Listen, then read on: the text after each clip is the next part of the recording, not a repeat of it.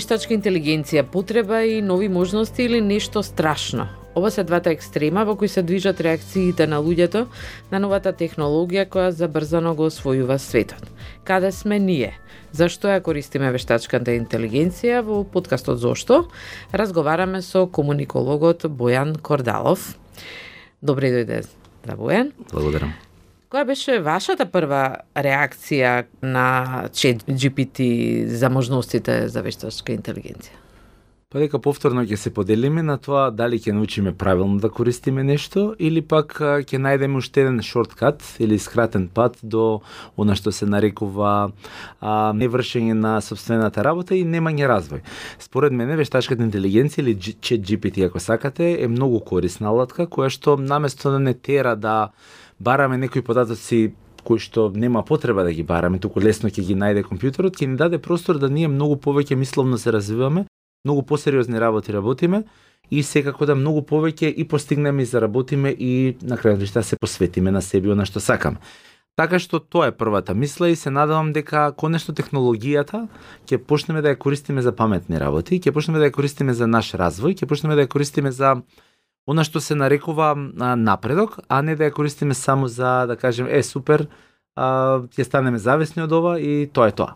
Значи не е толку забава веќе, сега дајде mm -hmm. да се свртиме, нели, да работиме на себе. Но она првото прашање нели тоа ќе ви ја земе работата еве вам или мојата новинарската во медиумите знаете веќе се зборува за отпуштања зошто ни се новинари кога еве mm -hmm. ке ставиме вештачка интелигенција да ни пишува вести. Токму пред некој ден, а, кај една оперска пејачка која што ја следам на Инстаграм, Лисето Ропеса, забележав дека користи слоган, можна популарна пејачка, користи слоган кој што вели колку и да се труди, вештачката интелигенција никогаш нема да не замени.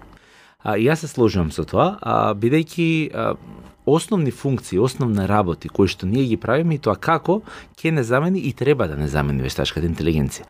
Меѓутоа, сложените функции, мултитаскингот, а, поврзувањето на работите, напредокот во она што го правиме денеска, а што немаме време да го а, правиме многу повеќе, токму тоа ќе ни помогне вештачката интелигенција. Ајде да бидеме конкретни.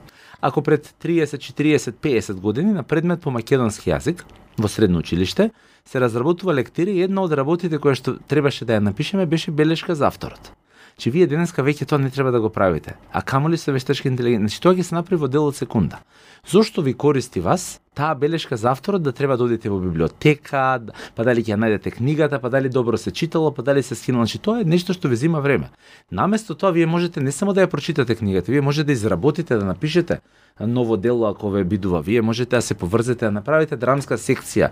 Можете многу понапред а, работи да правите отколку да ги потрошите тие 2, 3 или 4 часа за само барање, ноѓење и пишување на една биографија а, на Ама не е само биографијата, сега учениците комплетно го а, користат чет роботот да им ги напише домашните задачи, магистарски трудови, значи И пред чет GPT има луѓе кои што и биле фаќани и казнувани, пишувале, односно плагиаторство или некој друг им ги пишувал овие работи мора да, да, да прифатиме дека кога нештото е погрешно, е погрешно. И не може да биде видовна технологијата. Ако ние седиме 10 часа на социјална мрежа, не се криви социјалните мрежи. Тоа што ние не знаеме да се организираме. Ако ние правиме плагиаторство или пак а, го користиме а, роботот за да ни напише нешто што треба сами да го направиме, ние правиме прекршок.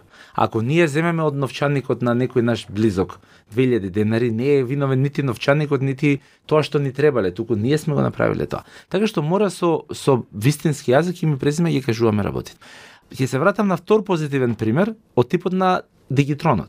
Ние денеска не сме свесни колку ниту една операција не ја вршиме а, рачно, туку во дел од секундата тоа го прави или Excel табелата со формулата или самиот дигитрон и така натаму.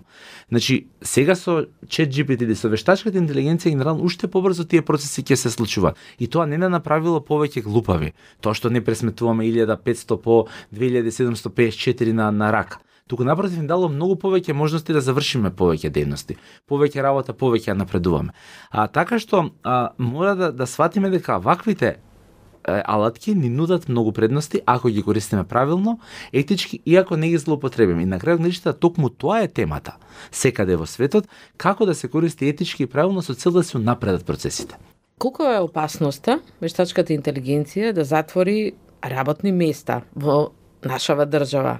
Ако имаме на ум дека сме во држава која нема дигитализација на администрацијата се уште.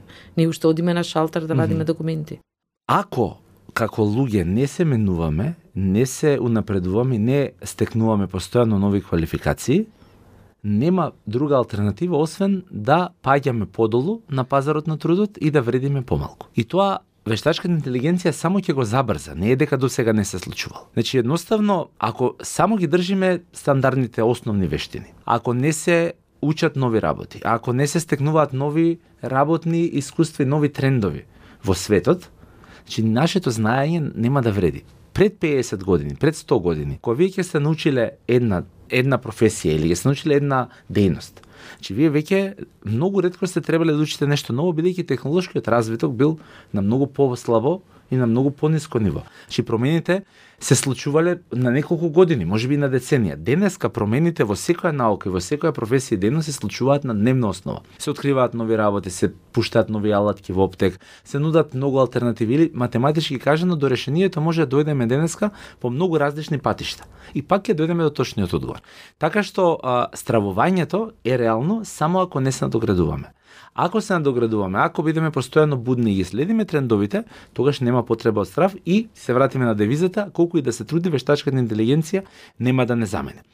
Мислам дека е потребен овој мајндсет да се да се стави во во глава и да се прифати особено ако се земе предвид фактот дека според Државниот завод за статистика денеска, односно во претходното тромесечие платата во IT и сродните индустрии е веќе 94.000 денари просечната плата. Тоа значи дека платите почнуваат од 30, 40 илјади денари и стигнуваат 150, 200, 300 илјади денари. Тоа е колку може би некои професии се затвараат или немаат иднина, меѓутоа колку во исто време нови се отвараат кои што имаат многу подобро платени места. Токму затоа, вложувањето во дигитализација, прифаќањето на, на а, новите трендови, како што е вештачката интелигенција, влог за нас, меѓутоа пред се за нашите деца, нашите внуци, кои што, ако ги задоиме за тоа дека а, технологијата е лоша, нема да стекнат компетенции, знаење, вештини на сегашноста и днината и автоматски нема да им вреди тоа знаење едноставно ќе бидат како нас денеска.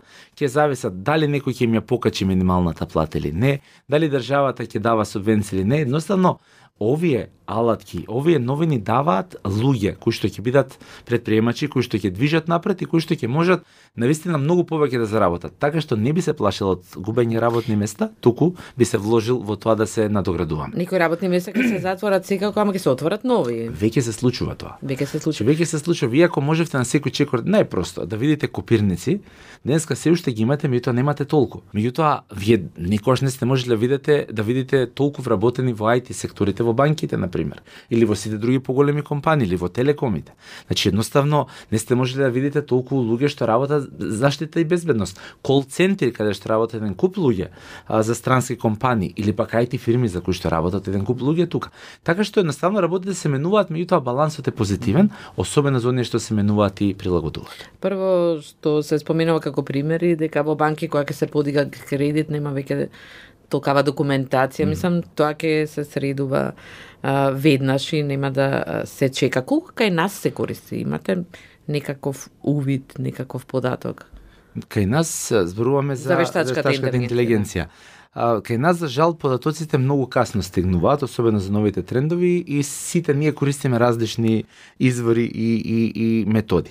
А, јас сум секојаш реален, за тоа што немам податоци, немам. А, имам мислење, имам анализа која што е правам и тоа таа не може научно да биде да биде заснована. Само ќе ми дозволите а, да споменам дека а, кога ги, кога ги кажавте, на пример, банките и кредитите. Зошто, на пример, вие, кога вадите, еве, сега возачка со обраќање лична карта, вие треба три термини да имате, три подписи да ставате, три пати документи да поднесуват. Три пати да се фотографира. И три пати, да значи едноставно најпластичен пример Тоа дури не е ни вештачка интелигенција, тоа е обична дигитализација која што ќе ви ги заврши работите.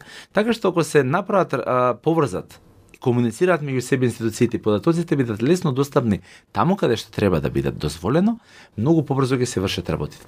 Колку се се враќам сега, колку се користи кај нас, повторно како и сите трендови, сакам да го споредувам тоа често со појавата на социјалните медиуми. Значи 15 на години предходно кога се појавија социјалните медиуми, прво имаше голем отпор. А страв, двоумење дали тие може би ќе ги заменат и медиумите, меѓутои одредени процеси, дали ќе затворат пошти и други типови на комуникација. Еве 15 години подоцна, тука сме кај што сме. Јас го тврдам истото од самиот почеток и драго ми е што е тоа така. Се функционира како што треба. Да, одредени медиуми ги нема, а меѓутоа тие се трансформирани во дигитални редакции. Значи не е дека се промени потребата од информации, не е дека се промени потребата од квалитетни информации, квалитетно а, новинарство и така натаму, едноставно работите се менуваат. Тоа е исто како што пред 100 години се перело на рака, па се појавила некоја основна машина, па денес имате машина со, со сушара заедно, че едноставно работите, но никој не престанал да пере. Значи, постојано го правиме тоа, или да се вратиме 200 години, тоа се правило на реки, на езера и така натаму. Значи, работите еволу, еволуираат и тоа е, тоа е убавината. Единствената константа во човештвото зошто обстојува е затоа што човекот еволуира. Во моментот кога човештвото ќе престане да еволуира, тоа ќе исчезне. Иначе, да не се случувале промените, ние до сега, веројатно ќе сме живееле се уште во пештери, ќе сме пишувале а, таму на камење и така немало да се исправи човекот потрага по другира. Така и со ова. Кој го користи? А, го користат повторно само оние кои што сакаат да експериментираат, сакаат да пробаат и ја наоѓаат корисноста. Дали се регулира, дали се збори за тоа? Не. Зошто? Заради тоа што ние сме уште заглавени, како што вие рековте, на дигитализација ние уште дебатираме дали е добро изводот од матично да се вади дигитално веднаш. Дали е добро, а, има нели една анекдота, а, веќе да не се бари извод не постаро 6 месеци, да не случајно во меѓувреме повторно си се родил, нели? Че едноставно ние се уште плашејќи се од овие работи како губе потенцијално губење на работни места, губење на моќ, корупција, која што очигледно е широко распространета, значи ние не можеме да напредуваме. И тука е проблемот. Мора да зборуваме јасно, јавно и да ги поставиме патоказите, бидејќи луѓето го користат ChatGPT на секој ќош. Зашто го користите вие? Јас че GPT го имам користено само за експериментирање, морам да признам, да видам што пишува за одредени луѓе, што пишува за мене, што може да најде, што може да состави, меѓутоа во канцеларија кај нас го имаат искористено неколку пати за да видат каков сублимат од одредени воведни а, теми за извештај ќе направили воведни процеси. А се уште мислам дека треба да се напредува, се уште мислам дека не можеме да се потпреме за сериозни работи а, на, на чет GPT, без да провериме и без да анализираме, меѓутоа и тоа како може да ни помогне со брзина светлината да обработи постоечки податоци кои што се неспорни. Меѓутоа не заборавајте дека алгоритмите не се совршени, дека може се да залетне таму, дека мора се да се провери, дека во суштина дезинформациите, меѓутоа и погрешните информации можат многу лесно да се протнат ако ние во оваа фаза целосно се потребаме на вештачката интелигенција. Да не забораваме дека Европската унија веќе донесе акт а, председателот Бајден во САД исто така ја регулира вештачката интелигенција. И да не забораваме дека светот зборува за етичко користење на вештачката интелигенција, бидејќи стравот од разорни војни, а, стравот од а, а, пристрасност кој што може да се а, вгради во програмот кој што ќе го користи вештачката интелигенција, стравот на вистина се прават погрешни работи е оправдан и мора да се внимава. Лажните видеа, снимки, дипфейк и така натаму, сето тоа се опасности на кои што треба да се работи, треба да се биде да. внимателен, но мора да почнеме да збориме. Се уште има за за и против стравувања, непознат терен. Кај нас, прочитав и шега, а, не знаеме колку имаме природна интелигенција за да разговараме за вештачка интелигенција. Идат избори. Така е. А, вие се занимавате с комуниколог сте, политички комуникации. Колку или му им паднало ли на памет на политичарите или веќе а, користат а, вештачка интелигенција и во политички цели? И кај нас и надвор. Политичарите ве кај нас се толку заљубени или толку обседнати сами со себе што не ми може да ги следат новите трендови за жал. А меѓутоа и по мене следејќи како функционира дури да почнат да ги користат, тоа ќе го направат корисно и ги сакаат да да ги стават своите карактеристики во вештачката интелигенција што нема да биде добро за општеството. Идејата на вештачката интелигенција, еве да видиме наедноставни, во пример, е на пример во листите на чекање во здравство за одреден лек или болест, вие да не дозволите да одлучува човекот, туку да одлучува ве, таа вештачка интелигенција со најточни и добри параметри на кои што никој не може да влие и да биде пристрасен. Значи, вештачката интелигенција има за цел да ги промени работите, го исклучи лошиот дел на човечкиот фактор не да не замени. Оти некој таа диагноза мора да ја постави. Тие критериуми нема да ги постави вештачката интелигенција, но таа може да ги спроведе. Да ги спроведе земајќи ги предвид сите параметри да направи најдобра листа на приоритети. Вештачката интелигенција постои со браќеот кој што е хаос, а да го уреди и да во многу брзо време почне со со контрола да движењата ги направи така што секој во моментот на поаѓање до точката на пристигнување ќе може најорганизирано, наједноставно, најекономично, меѓутоа со најмал импакт врз животната средина да пристигне. Затоа постои вештачка интелигенција. Е се нашите политичари, ако го вградат својот мајнсет, својот начин на функционирање во вештачката интелигенција, тогаш ние ќе го расипеме системот. Може да, да си замислите со вештачка интелигенција тендер да се организира? Па ако ако се стават параметрите кои што ги имаат во глава одредени луѓе кои што докажано во постапка злоупотребувале, да, можам да замислам. Така што шегата настрана, а не, не ја користат, а, ниту мислам дека ќе ја користат, а, на крајот на тие се уште размислуваат за митинзи, како што беше случај пред 35 години и денеска, кога светот е променет, тие се уште зборуваат за врата до врата и летоци, кога веќе сите големи брендови веќе се преориентираат на Viber, на WhatsApp, на дигитален маркетинг, така што за жал нити трендовите ќе се користат во политичката комуникација, ниту пак ќе се користат правилно. Би сакал да ја поинако, меѓутоа ќе треба почекаме подобри времења. Вилата 2024 во светот mm -hmm. ќе биде година на масовен голем пробив на алатките на вештачка интелигенција. Што очекувате? Па, знаете, вие кога еднаш ќе кажете, еј, че GPT напиши ми или кажи ми кои се петте основни работи за таа и таа појава и че GPT веднаш ќе ви каже, вие станувате зависни. Тоа е а, како телефонот кој ќе го земете во раце и кога можете од било каде во, во светот да се јавите некаде, да искомуницирате или пак да испратите порака или нарачате нешто. Така што да, веќе тој пробив се случува, а очекувам а, многу поголемо етичко а, контролирање, очекувам а, многу поголема одговорност од глобалните компании кои што се бават со со со овие работи и се основата на вештачката интелигенција да креираат нови алатки, да ги напредуваат, меѓутоа да бидат во функција на луѓето, а не а, вештачката интелигенција да ги контролира луѓето, односно сите нас како да функционира. Не може да ја победи креативноста. Па, ако продолжиме да бидеме и се вложуваме, нема да успееме. Меѓутоа, ако се опуштиме и се протеставуваме, не учиме нови работи, дефинитивно ќе не победи. Благодарам за разговорот. А вие, почитувани, слушајте не, следете го подкастот Зошто на Слободна Европа, кликнете на подкаст Зошто и на Spotify, YouTube, Apple и Google и на нашите социјални мрежи давајте на идеи и теми кои сакате да ги слушате.